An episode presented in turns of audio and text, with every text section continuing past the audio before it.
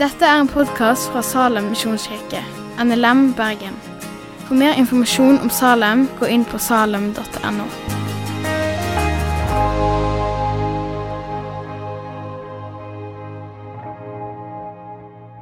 Vi skal bruke Lukas 18 som utgangspunkt for denne talen. Og jeg tenkte jeg bare kunne begynne med å lese den. Lukas 18, vers 1-8. Det kan være det dukker opp på skjermen. ja, se der. Så fortalte han dem en lignelse, altså Jesus, om at de alltid skulle be og ikke miste motet. I en by var det en dommer som ikke fryktet Gud og ikke tok hensyn til noe menneske. I samme by var det en enke som stadig på ny kom til ham og sa:" Hjelp meg mot min motpart, så jeg kan få min rett.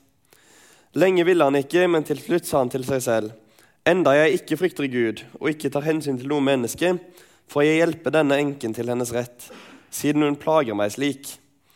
Ellers ender det vel opp med at hun flyr like i synet på meg. Og Herren sa:" Hør hva denne uhederlige dommeren sier. Skulle ikke da Gud hjelpe sine utvalgte til deres rett, de som roper til ham dag og natt? Er han sen til å hjelpe dem? Jeg sier dere, han skal sørge for at de får sin rett, og det snart. Men når menneskesønnen kommer, vil han da finne troen på jorden. Herre Jesus, vi har lyst til å legge denne teksten i dine hender. La hjertene våre være åpne, være til stede med din Hellige Ånd. Og åpne opp ditt ord for oss. La oss få se litt mer av hvem du er i dag, Herre. I ditt navn. Amen. Når jeg eh, først leste denne teksten, så tenkte jeg litt sånn Hva, hva skal vi si om det her? Det var, det var, på en måte, det var en del ting som var liksom greit eh, klart for meg. En del sånn på en måte åpenbare ting, da, så du ser bare med en gang du leser den, at ja, det, det handler denne teksten om. på en eller annen måte. Altså, du ser, du ser, det er en dommer, sant? Eh, en dommer, Det står at, eh, det står at han, han var eh, ikke frykta Gud, og han, var, han, var ikke, han, tok ikke hensyn til noe annet menneske. Ikke, ikke veldig sånn hyggelig ordelag om han dommeren. Eh, og så står det, I, den, i en annen oversettelse står det at han var en urettferdig dommer. Her står det en uhederlig dommer. Og Så leser vi om ei enke som kommer og maser voldsomt på denne dommeren. På når Hun har en annen motstander så hun skal få på en måte rett over. da. Eh, men det får hun ikke til sjøl, trenger hjelp av dommeren. Eh, og så kommer hun og maser på dommeren. da. Og, så, og, så, står det at dommeren etter hvert hjelper. Eh, på grunn av, han sier, sjøl at 'sjøl om jeg ikke frykter Gud, og selv om jeg ikke tar hensyn til noe annet menneske, vil jeg likevel hjelpe denne enka pga. hun plager meg sånn. Og Det skal dommeren ha. at Om han ikke har masse andre gode egenskaper, som blir beskrevet, så har han iallfall sjølinnsikt. Han er veldig klar over at han ikke frykter Gud, og at han ikke tar hensyn til noe annet menneske. og Det er han helt innforstått med. Det, det er greit for han. Men han orker ikke den enka med, iallfall. Eh, og han er òg redd at hun skal komme og slå til han. Og det er jo på en måte, det er på en måte en litt sånn absurd fortelling. Men det er på en måte det vi får i selve lignelsen. Etter det så går Jesus over og forteller noe om Gud. Um, forteller om at når denne, dom, altså når denne dommeren hjelper enka, skal ikke Gud enda mer da hjelpe sine utvalgte. Og så er det på en måte sånn Det åpenbare ligger der jo. altså Enka maser på Gud, nei, enka maser på dommeren. Dommeren hjelper til slutt mot sin vilje, og Gud skal hjelpe sine, men ikke mot sin vilje. Ja. Og, og, så, og, så, tenkte jeg at okay, hva, hva, skal jeg si om det her? Hva skal jeg, altså, Når jeg taler, så har jeg en stygg tendens til å tenke at jeg skal liksom finne noe sånn spektakulært og si noe sånn å, Dette er det ingen andre som klarer å finne i denne teksten. Det er kun jeg som har sett dette. Det er en sånn spesiell ting. sant? Eh, og så leter jeg liksom etter hvordan skal jeg tolke alle disse her folka. Er det noen spennende ord som jeg kan, eh, kan eh, late som jeg kan gresk og liksom snakke om et eller annet sånt. Um, og i min søken etter det spektakulære så, så sto jeg til slutt i fare for å glemme det Jesus sjøl presenterer som hovedbudskapet i lignelsen. For i vers 1 så står det at han fortalte dem en lignelse om at de alltid skulle be og ikke miste motet. Ok, så, så, det er det Jesus vil fortelle oss noe om. Han vil fortelle oss noe om at vi alltid må be og ikke miste motet. Og da må ikke sånne som meg komme og, og tenke at ja, men dette, dette skal jeg gjøre enda bedre enn det Jesus fortalte det, pga. at jeg har så voldsomt god peiling. Vi må fortelle noe om det Jesus snakker om. Men så sitter jeg fortsatt igjen med en del spørsmål. da. For, hvorfor forteller han akkurat det han forteller, når målet hans er å fortelle en lignelse om at de alltid skal be, og ikke miste motet? Og I tillegg synes jeg alltid det er rart når Jesus sier at vi alltid skal be. På grunn av at Vi hadde ikke fått gjort så veldig mye hvis vi bare satt på rommet og foldte hendene våre med øynene igjen hele dagen. Så jeg begynte å prøve å sette meg inn i det. Hvorfor, hvorfor, forteller Jesus akkurat den lignelsen om en dommer og ei enke? Og målet hans er å få fram at vi alltid skal be, og vi skal ikke miste motet. Og Jeg begynte med å se enda mer på dommeren. Brødre, Dommeren han, han er som sagt ikke beskrevet med veldig fine ord. Han var hensynsløs. Han tenker kun på seg sjøl. Han bryr seg ikke om noe annet menneske. Han var ikke gudfryktig. Han var uhederlig, urettferdig. Og så tenker jeg liksom hmm, når, når, du leser en bibeltekst, så har du, ikke, du, har, du har på en måte lyst til å kjenne deg litt igjen i et eller annet. da. Finne en eller annen person du kan kjenne deg igjen i. Så kan, jeg, kan jeg kjenne meg igjen i noe med dommeren? Sier dommeren noe om meg? Men, men jeg føler jo sjøl at jeg setter liksom mennesker eh, over meg sjøl, stort sett. Og, og ja, egentlig en ganske ok type.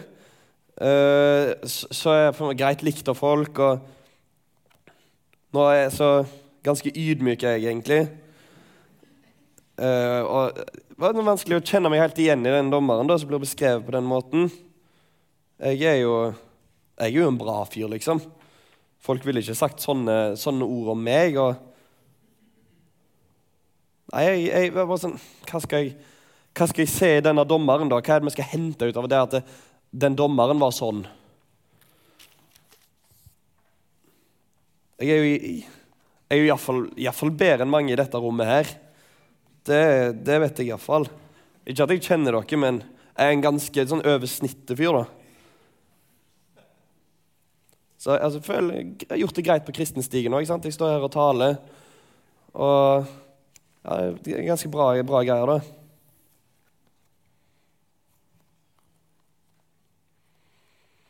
sjølrettferdighet. I Romerne 10 Eller Romerne 3, som jeg egentlig skal fram til, så kan vi lese i vers 10. Det finnes ikke én rettferdig, ikke en eneste. Det finnes ikke én som forstår, ikke én som søker Gud. Alle har kommet på avveier. Alle har fordervet. Det finnes ikke én som gjør det gode. Ikke en eneste. Så i min på en måte dømmelse av den dommeren og min på en måte altså Selvsagt, jeg setter det litt på spissen. Det er ikke sånn at jeg går rundt og tenker at jeg er bedre enn dere. Men, men, men men likevel, i, i, det du ser, leser den dommeren og føler at ja, det, han er så voldsomt sånn, det er så voldsomt krast altså.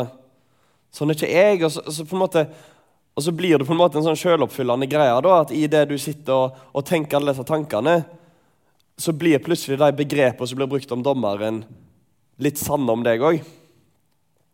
Og så tror jeg ikke nødvendigvis poenget til Jesus er å vise at liksom, ja, det, dere er dommeren, og noen andre er altså det, jeg tror ikke det er det som er poenget, men jeg tror fortsatt de beskrivelsene av dommeren sier noe viktig om oss, som òg sier noe viktig om Gud i møte med denne lignelsen. For dommeren, det, er en misforståelse som er mulig å få når man leser denne lignelsen, at dommeren er et bilde på Gud her. Men det er det ikke. Lignelsen presenterer til slutt et alternativ til den dommeren, nemlig Gud. En annen måte å være dommer på som ikke er hensynsløs, som ikke er urettferdig.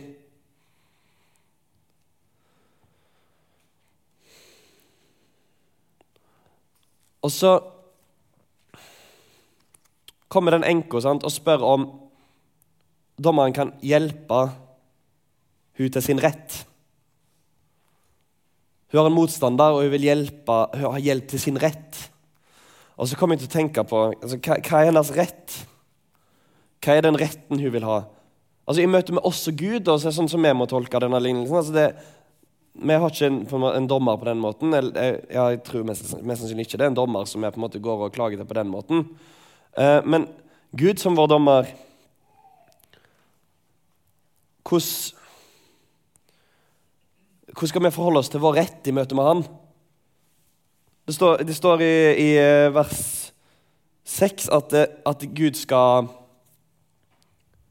Gud skal hjelpe sin utvalgte til sin rett. Han skal ikke være sein med det, står det. Så hva er da vår rett? Hva er enka sin rett i denne lignelsen?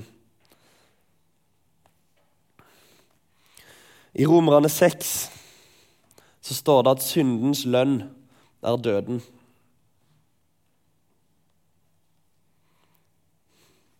Er vi syndere, da? Har vi noen gang gjort noe som var mot Guds vilje? Har vi noen gang gjort noe som der vi satte oss sjøl først? Vi noen gang baksnakket en venn? Har vi noen gang løyet? Har vi noen gang prioritert oss sjøl framfor Gud? Syndens lønn er døden. Ok, Så det er det som er vår rett. Når vi leser om at vi skal få vår rett, så er det jo egentlig, det jo egentlig døden vi skal få. For når vi har gjort oss skyldige til det Vi har synda, vi trenger ikke tenke lenge engang. Og de som må tenke lenge, kommer som regel fram til noe til slutt, de òg. Og så Når Jesus forteller denne lignelsen, så er det liksom den litt sånn absurde greia da, med at når han snakker om sin rett, så vet han sjøl at det, han er på en måte svaret på det. For, for faktum er at det, eh, Gud er hellig, og Gud tåler ikke synd.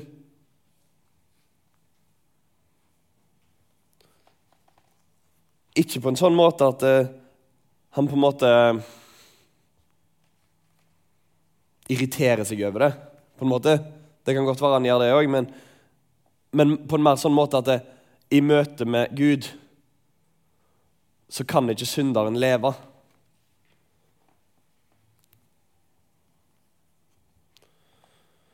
Og så, er, altså forteller Jesus dette, og så er han på en måte svaret på det sjøl, men han har ikke blitt det ennå. da.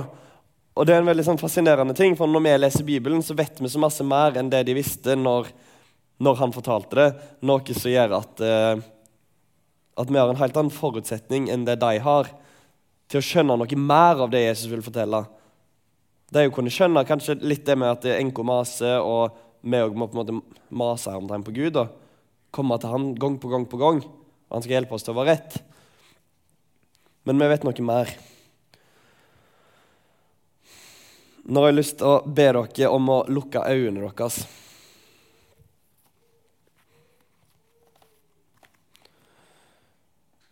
Du sitter i en rettssal. Tegn opp et bilde av en rettssal i hodet ditt. Du sitter på tiltalebenken, og du har ganske kraftige anklager mot deg.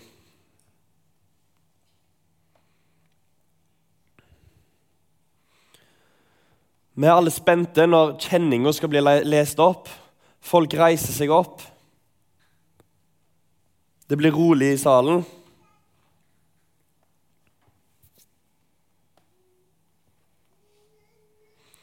Og Gud som sitter på dommersetet, sier Martin, fyll inn med ditt eget navn. Du er funnet skyldig på alle tiltalepunkt. Og det tar lang tid å lese av de tiltalepunktene. Det tar lang tid å lese av alt du er funnet skyldig på. Du skal dømmes, og du skal dømmes til døden. Men så har du fått muligheten til å velge deg en advokat på forhånd. Og noen, noen av dere valgte kanskje Jon Christian Elden. For, for han, er en, han, er en, veldig bra forsvarsadvokat. og han er liksom, Hvis, du har, hvis du sitter skikkelig i røra, så er ofte han en lur type å få tak i. For han kan liksom redde deg ut av en del situasjoner. Noen har kanskje fått tak i andre forsvarsadvokater som de kjenner til, eller som de har hørt om. Liksom, prøv å få tak i noen som liksom kan hjelpe dem. Og så og så prøver altså Jon Christian Elden prøver hardt. Han er en god advokat. Han jobber for det. Han argumenterer. Men det går ikke. Han kommer til kort. Du er fortsatt skyldig, og du er fortsatt skyldig på alle tiltalepunkt. Men så fikk dere òg muligheten til å velge Jesus som deres advokat. Og de som valgte han, når det ble lest opp at du er funnet skyldig, da reiser Jesus seg opp fra de sida. Og han peker på såret i sida si. Han peker på sine naglemerka hender. Han sier at 'blodet mitt rant' for Martin. Jeg har betalt den prisen han måtte betale.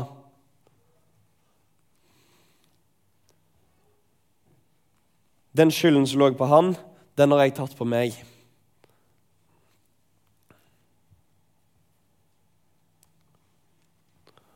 Og Gud slår hammeren i bordet som dommer, og han sier 'frikjent'.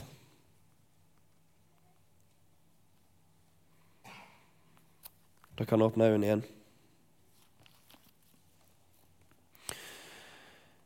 I 1. Johannes brev 8-9 så står det Sier vi at vi ikke har synd, da bedrar vi oss selv, og sannheten er ikke i oss.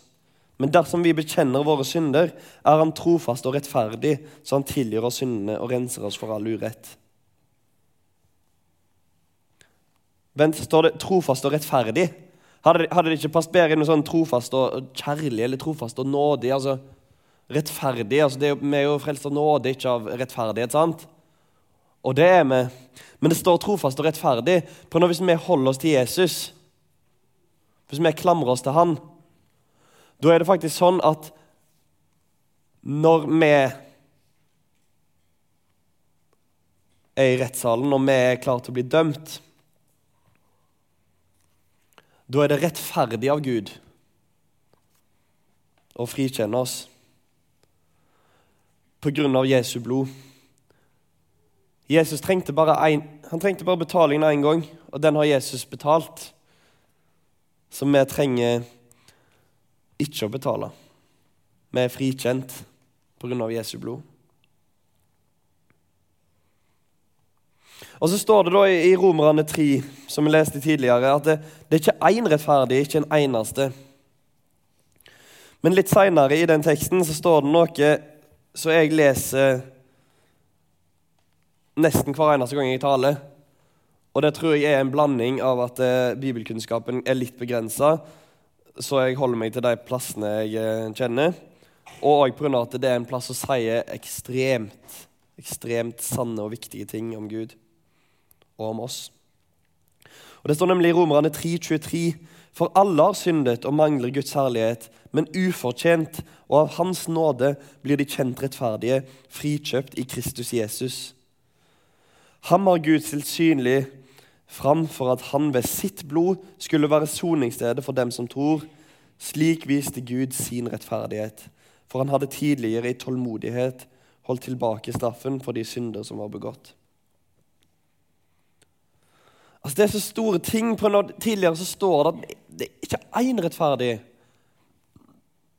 Når, når vi spør Gud om vår rett, så er svaret egentlig Uten Jesus er svaret at hvis du vil ha din rett, så er det døden.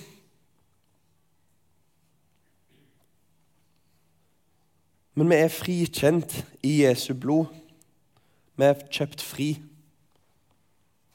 Og når vi holder oss til Han, så er vi rettferdige.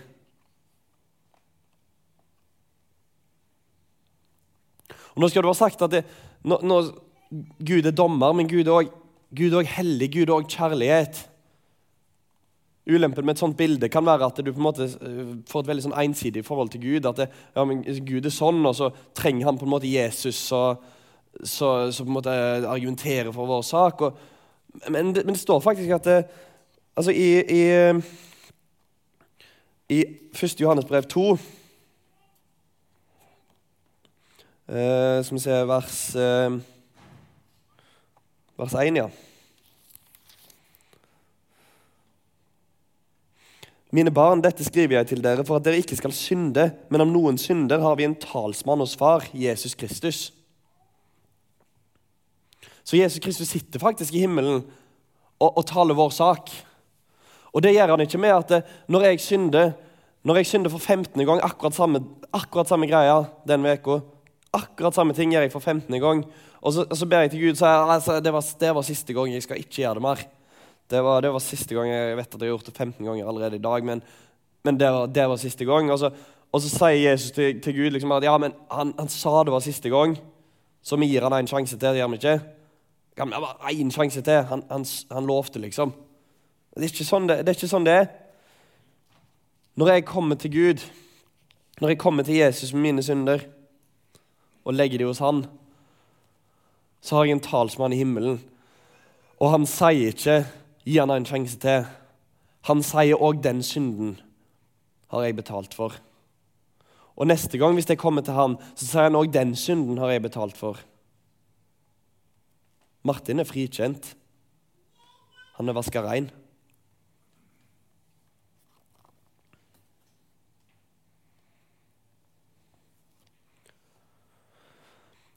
Så, så det ble spørsmålet at eh, når vi Altså, det står alltid en fare for at uh, når en får en tekst som en syns er litt vanskelig, så, så, leser en et vers i teksten, og så forlater en teksten og kommer aldri tilbake.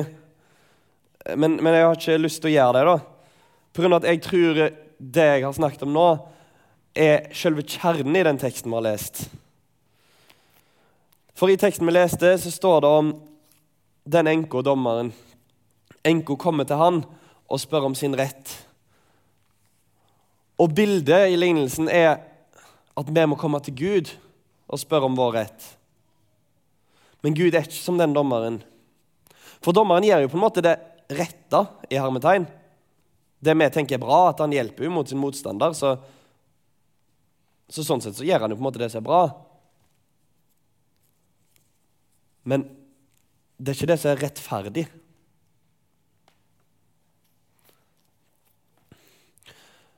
Når vi kommer og spør om vår rett til Gud, til vår dommer, så sier han at vi er frikjent.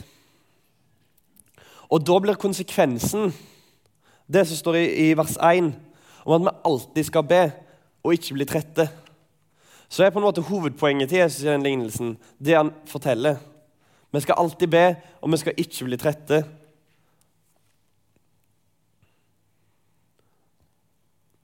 Og det er den rettferdigheten jeg har snakket om når vi spør Gud om vår rett. Den rettferdigheten vi blir tilkjent med da, den setter oss fri til å leve liv, til å leve et liv der vi tror. Vi er fri fra synden. Og vi kan vende hjertet vårt, altså sinnet vårt, mot Gud. Og jeg tror det er den bønnen Jesus snakker om når han sier at vi alltid skal be. Jeg tror ikke han snakker her om den typen bønn der du på en måte setter deg ned og folder hendene og lukker øynene og, og snakker ut til, til, Gud direkte. Jeg tror på en måte han vil ha kontinuitet i den bønnen òg, for han er viktig. lønnkammeret. Men jeg tror ikke det er den det nødvendigvis er snakk om her. Den bønnen som alltid skal be. Det er hjertet vårt som er vendt mot Gud. Og det er hans rettferdighet som gir oss muligheten til det.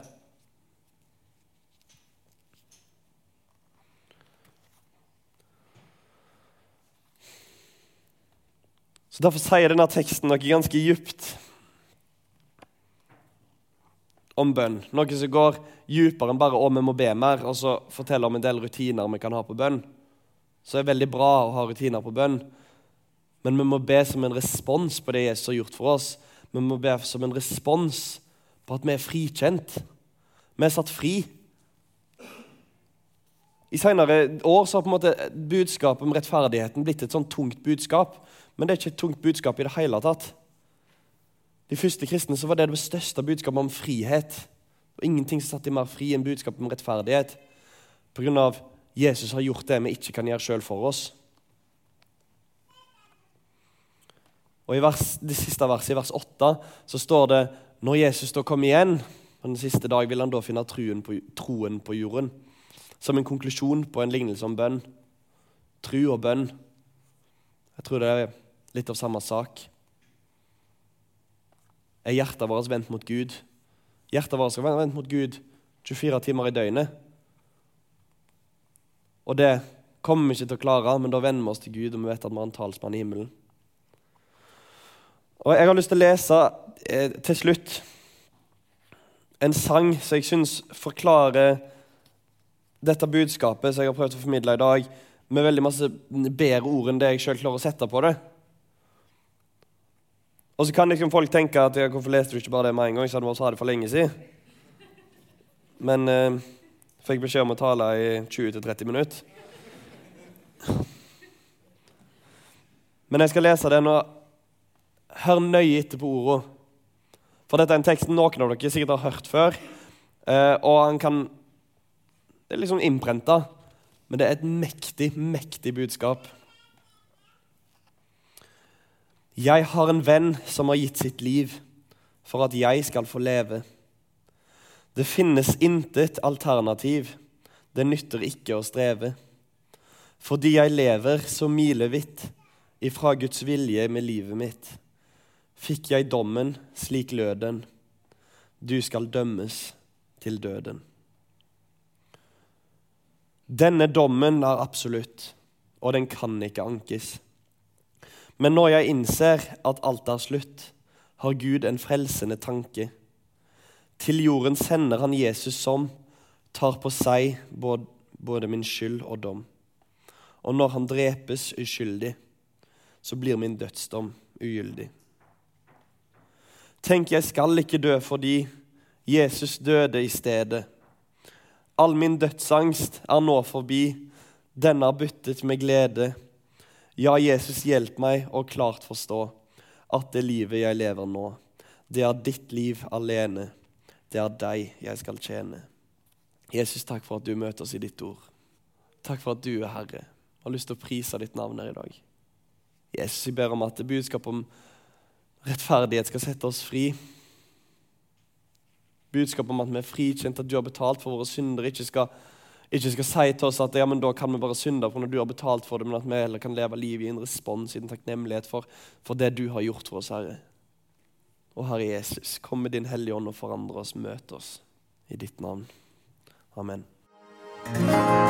Takk for at du har hørt på podkasten fra Salem, Bergen. I Salem vil vi vinne, bevare, utruste og sende, til Guds ære. Vi ønsker å se mennesker finne fellesskap, møte Jesus og bli disippelgjort her i Bergen og i resten av verden. Vil du vite mer om oss, gå inn på salem.no.